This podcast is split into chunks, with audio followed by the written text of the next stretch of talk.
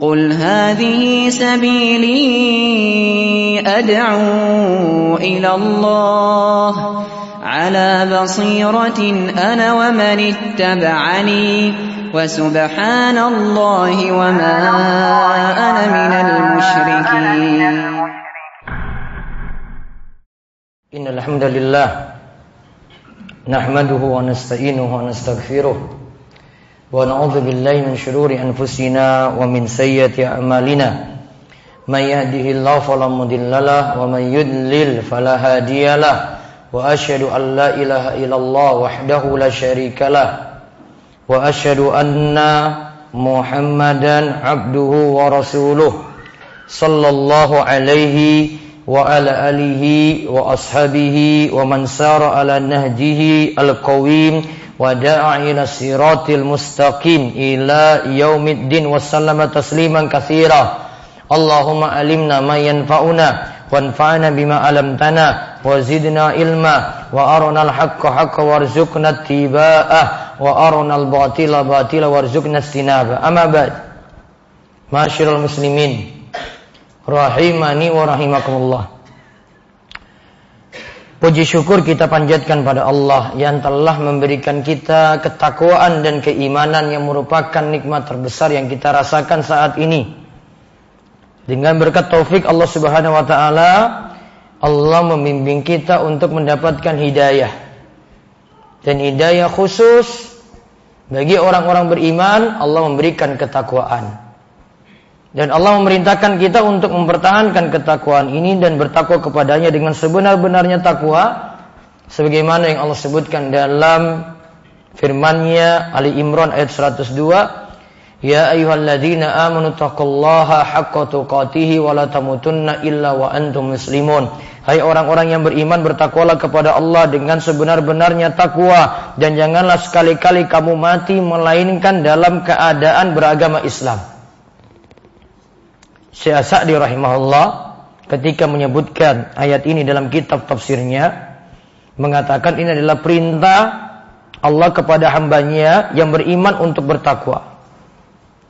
Agar ia benar-benar bertakwa kepada Allah. Ia diperintahkan untuk terus bertakwa dan istiqomah hingga maut menjemput karena man asya ala syai mata alai Siapa yang hidup dalam suatu keadaan terus dia pertahankan tadi istiqomah, maka ia juga akan mati dalam keadaan seperti itu pula.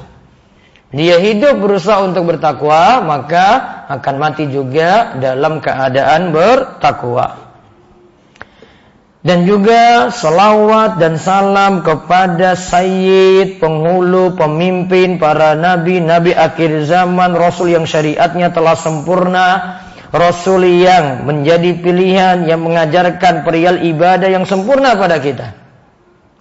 Yaitu Nabi besar kita Muhammad Sallallahu Alaihi Wasallam. Semoga salawat dari Allah tercurah kepada beliau, kepada istri-istri beliau yang tercinta, kepada para sahabat yang mulia, di dalamnya ada khulafaur rasyidin dan juga keluarga beliau serta umat beliau yang mengikuti beliau dengan baik hingga akhir zaman. Masyiral muslimin rahimani wa rahimakumullah.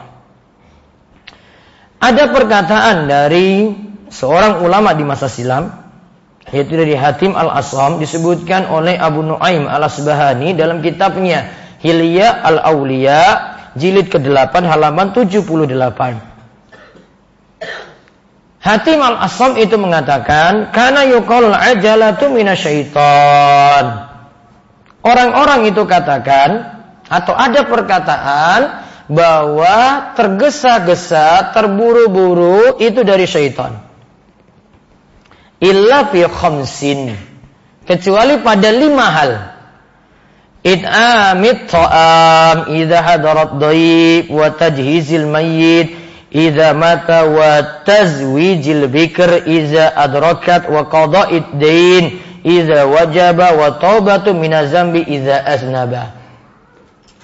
Terburu-buru, tergesa-gesa itu dari syaitan. Kecuali, dikecualikan dari ini lima perkara. Pertama, menyajikan makanan ketika hadarat daif, ketika tamu itu hadir. Segera makanan disiapkan. Yang kedua, mengurus jenazah ketika ia telah meninggal dunia. Yang ketiga, menikahkan gadis jika sudah bertemu jodohnya. Yang keempat, melunasi utang ketika sudah jatuh tempo. Yang kelima, segera bertobat jika berbuat dosa. Kita lihat yang pertama. Segera menyajikan makanan ketika ada tamu. Dan inilah yang diajarkan selain Nabi kita Muhammad sallallahu alaihi wasallam diajarkan juga oleh para nabi di antaranya Nabi Ibrahim alaihissalam. Pada kisah kedatangan malaikat ingin kabarkan berita gembira pada Nabi Ibrahim tentang kelahiran putranya Ishak dari istrinya Sarah. Ketika itu datang malaikat bertamu dan dilayani oleh Ibrahim alaihissalam. Dan ketika itu Ibrahim tidak mengenal ini siapa tamu yang datang. Pokoknya dia sediakan ketika itu makanan. Kemudian dikatakan dalam ayat Az-Zariyat 24 sampai 27 isdaqalu alaihi faqalu salama. Ketika tamunya itu hadir maka tamunya mengucapkan salama. Qala salamun qaumun munkarun. Ya, maka dibalik lagi ucapan salamnya dijawab ya wahai keselamatan untuk kaum yang mulia atau kaum yang tidak dikenal Lantas disebutkan pada ayat 26 faragha ila ahlihi faja'a bi ijlin samin. Lantas Ibrahim segera menemui keluarganya. Faragha ila ahlihi itu artinya pergi menemui keluarganya diam-diam untuk meminta disajikan makanan pada tamu tadi. Faja'a bi ijlin samin. Lantas Ibrahim nyajikan ketika itu daging anak sapi yang gemuk. Lalu dihidangkanlah makanan tadi untuk tamu tersebut. Lihat di sini Nabi Ibrahim contohkan bersegera untuk melayani tamu. Dan dikatakan dalam ayat tadi faqarrabahu ilaihim qala ala ta'kulun. Nabi Ibrahim sifatnya di sini adalah dicontohkan dekatkan tadi pada tamu, makanan tadi didekatkan, lalu katakan ya monggo silahkan makan. Dia muliakan tamunya, makanan tidak diletakkan di meja gitu saja, namun makanan dia dekatkan pada tamu tersebut. Lebih menunjukkan kemuliaan tamu tadi, dia melayani full service, dia melayani super istimewa, memuliakan tamu. Dan ini jadi sifat orang-orang soleh. Terus yang kedua yang diperintahkan bersegera adalah mengurus jenazah. Kata Nabi Shallallahu Alaihi Wasallam, Isra'u bil janazati fa intaku salihatan fa khairun tuqaddimunaha ilaih wa intaku ghaira dzalik fa syarrun tadaunahu an riqabikum. Bersegeralah mengurus jenazah. Bersegeralah di sini maksudnya waktu dia meninggal dunia segera diurus. Pengertiannya di sini para ulama katakan ada dua pengertian. Mengurusnya dalam hal di sini mengurus untuk memandikan, mengafani, menyulatkan, menguburkan. Atau yang dimaksudkan adalah segera dimakamkan. Dibawa ke kubur segera. Lalu disebutkan manfaatnya, kalau disegerakan kenapa? Jika jenazah tadi itu orang soleh, maka berarti kita segera membuat dia mendapatkan nikmat kubur. Tapi kalau itu orang yang gairu zalik berarti tidak soleh, dia orang yang jelek, maka kejelekan kita angkat dari pundak kita. Berarti kejelekan kita angkat lepaskan dari pundak kalian kata Nabi SAW. Berarti angkat dari pundak kita. Artinya biar kita tidak ketularan kejelekan orang tadi. Kalimat tadaunahu an riqabikum ya kejelekan yang kalian itu lepaskan dari pundak kalian ini jadi dalil oleh para ulama lebih bagus jenazah itu dipikul di pundak lantas dikuburkan daripada menggunakan kendaraan. Kecuali kalau butuh karena jaraknya jauh untuk tempat pemakaman. Namun kalau jaraknya cuma misalnya 100 meter, dekat berarti, maka lebih afdal dengan jalan kaki jenazah tadi diletakkan di pundak orang-orang yang ingin menggiring jenazah tersebut. Yang pelajaran pentingnya kita disuruh segera mengurus jenazah tadi.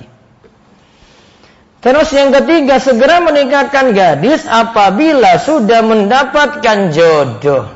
Idza khataba ilaikum man tardawna dinahu wa khuluquhu fazawwijuhu. Illa taf'alu takun fitnatun fil ardi wa fasadun arid. Jika ada yang engkau ridhoi agama dan akhlaknya datang untuk melamar anak putrimu, maka nikahkanlah dia. Jika tidak, maka tunggu nanti terjadinya musibah di muka bumi dan mafsadat yang besar.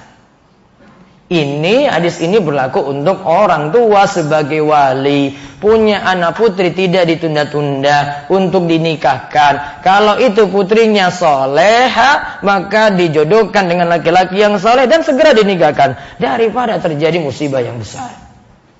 Bisa jadi musibahnya adalah dia tidak mendapatkan contoh uh, jodoh yang baik lagi. Lepas jodoh yang baik tadi. Bisa jadi ada sesuatu terjadi anak putrinya tadi. Jadinya nanti belum nikah-nikah jadi perawan tua. Maka waktu untuk menikahkan kalau memang sudah mendapatkan jodoh segera dinikahkan. Dampak buruknya lagi kalau tidak dinikahkan adalah terjadinya perzinahan. Karena fitnah wanita yang begitu besar. Akhirnya tidak kuat menahan syahwat. Dia sudah temukan enam orang tua nggak setuju. Akhirnya putra putri tadi memilih untuk berzina. Terus yang diperintahkan lagi yang keempat untuk segera dilakukan. Segera melunasi utang apabila sudah jatuh tempo. Dan akan ditolong oleh Allah siapa yang lunasi utangnya Kata Nabi Shallallahu Alaihi Wasallam, Inna Allah ma'ada ini hatta yakdiya dainahu malam yakun fi ma yakrah Allah. Allah akan bersama memberi pertolongan pada orang yang berhutang, yang ingin melunasi utangnya. Sampai dia melunasi utang tersebut, selama utang tersebut bukanlah sesuatu yang dilarang oleh Allah. Berarti serius dia lunasi utang, maka Allah akan mudahkan dia untuk melunasi utang tadi. Sampai utang tersebut lunas. Namun kalau dia jadi orang yang tidak amanat kabur dari utang, Allah persulit lagi karena sifatnya yang tidak amanat. Maka kalau punya kemampuan untuk melunasi utang, segera utang itu dilunasi. Masalahnya kalau kita pinjam uang pinginnya cepat dengan cara riba. Ketika awal pinjam, teken kontrak, ini tanda tangan, sudah kena riba. Telat kena denda, Pengen segera lunasi, kena penalti. Anda orang nggak sabar kalau ingin ya segera mendapatkan sesuatu.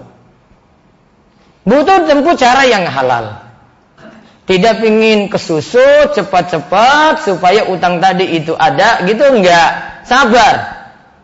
Pingin rumah kredit, mending dari uh, mending memilih dengan cash. Cash lebih enak. Waktunya gimana? Oh nabung lama. Iya, butuh sabar. Daripada memilih kredit kena riba. Milih kendaraan sama juga, cash lebih bagus.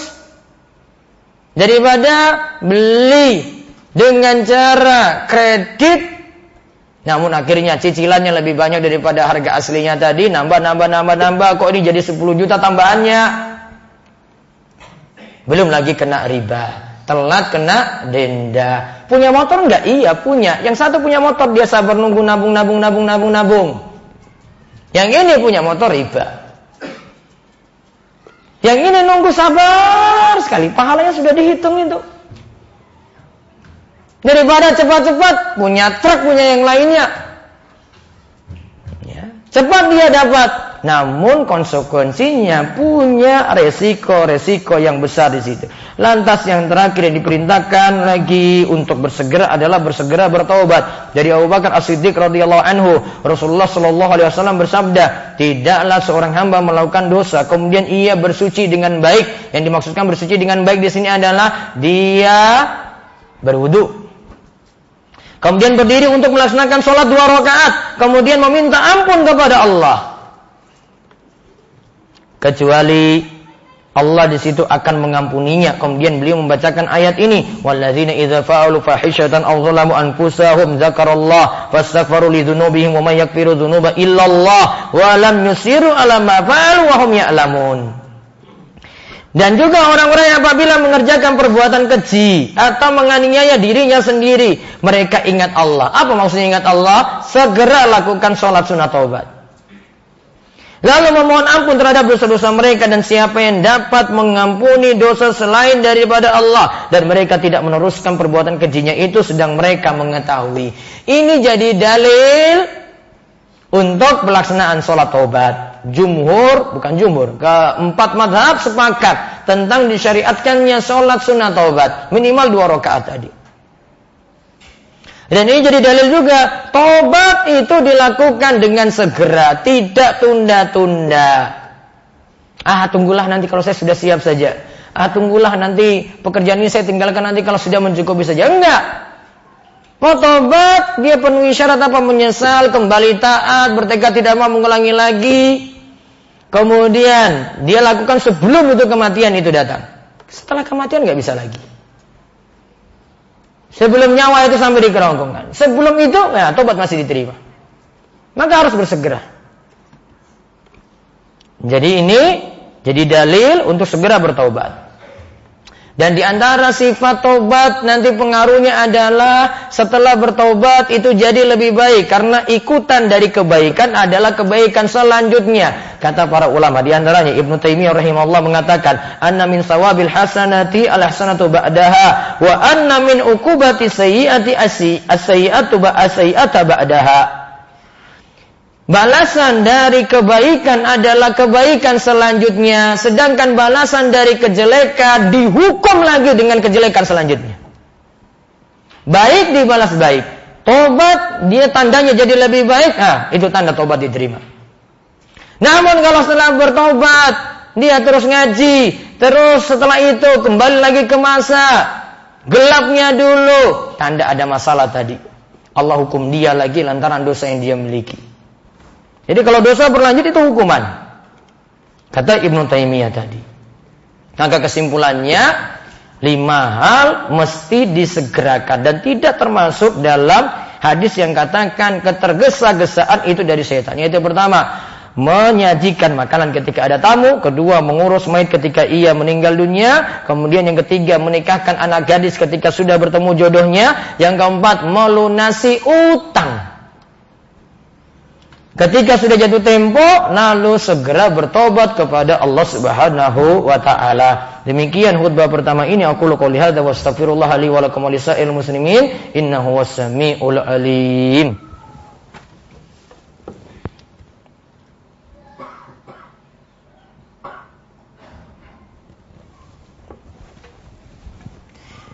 أحمد الله وأشكره وأشهد أن لا إله إلا الله وحده لا شريك له وأشهد أن محمدا عبده ورسوله. اللهم صل على نبينا محمد وعلى آله وصحبه وسلم. أما بعد فيا أيها الناس اتقوا الله تعالى وذروا الفواحش ما ظهر منها وما بطن. وحافظوا على الطاعة وحضور الجمعة والجماعة واعلموا أن الله أمركم بأمر بدأ فيه بنفسه وسن بملائكة قدسه وقال تعالى ولم يزل قائلا عليما إن الله ملائكته يصلون على النبي يا أيها الذين آمنوا صلوا عليه وسلموا تسليما اللهم صل على محمد وعلى آل محمد كما صليت على إبراهيم وعلى آل إبراهيم إنك حميد مجيد وبارك على محمد وعلى آل محمد كما باركت على إبراهيم وعلى آل إبراهيم إنك حميد مجيد اللهم اغفر للمسلمين والمسلمات والمؤمنين والمؤمنات الأحياء منهم والأموات. إنك سميع قريب مجيب الدعوة. ربنا لا تزغ قلوبنا بعد إذ هديتنا وهب لنا من لدنك رحمة إنك أنت الوهاب. اللهم إنا نسألك الهدى. والتقى والعفاف والغنى. اللهم أحسن عاقبتنا في الأمور كلها وأجرنا من خزي الدنيا وعذاب الآخرة. اللهم أصلح ولاة أمورنا. اللهم وفقهم لما فيه صلاحهم وصلاح الإسلام والمسلمين. اللهم أبعد عنهم بطانة السوء والمفسدين. وقرب إليهم أهل الخير والناصحين. يا رب العالمين. ربنا هب لنا من أزواجنا وذريتنا كرة أعين واجعلنا للمتقين إماما. ربنا أتنا في الدنيا حسنة وفي الآخرة حسنة وقنا عذاب النار. وصلى الله على نبينا محمد وعلى آله وصحبه ومن تبعهم بإحسان إلى يوم الدين. وآخر دعوانا أن الحمد لله رب العالمين. أقيموا الصلاة.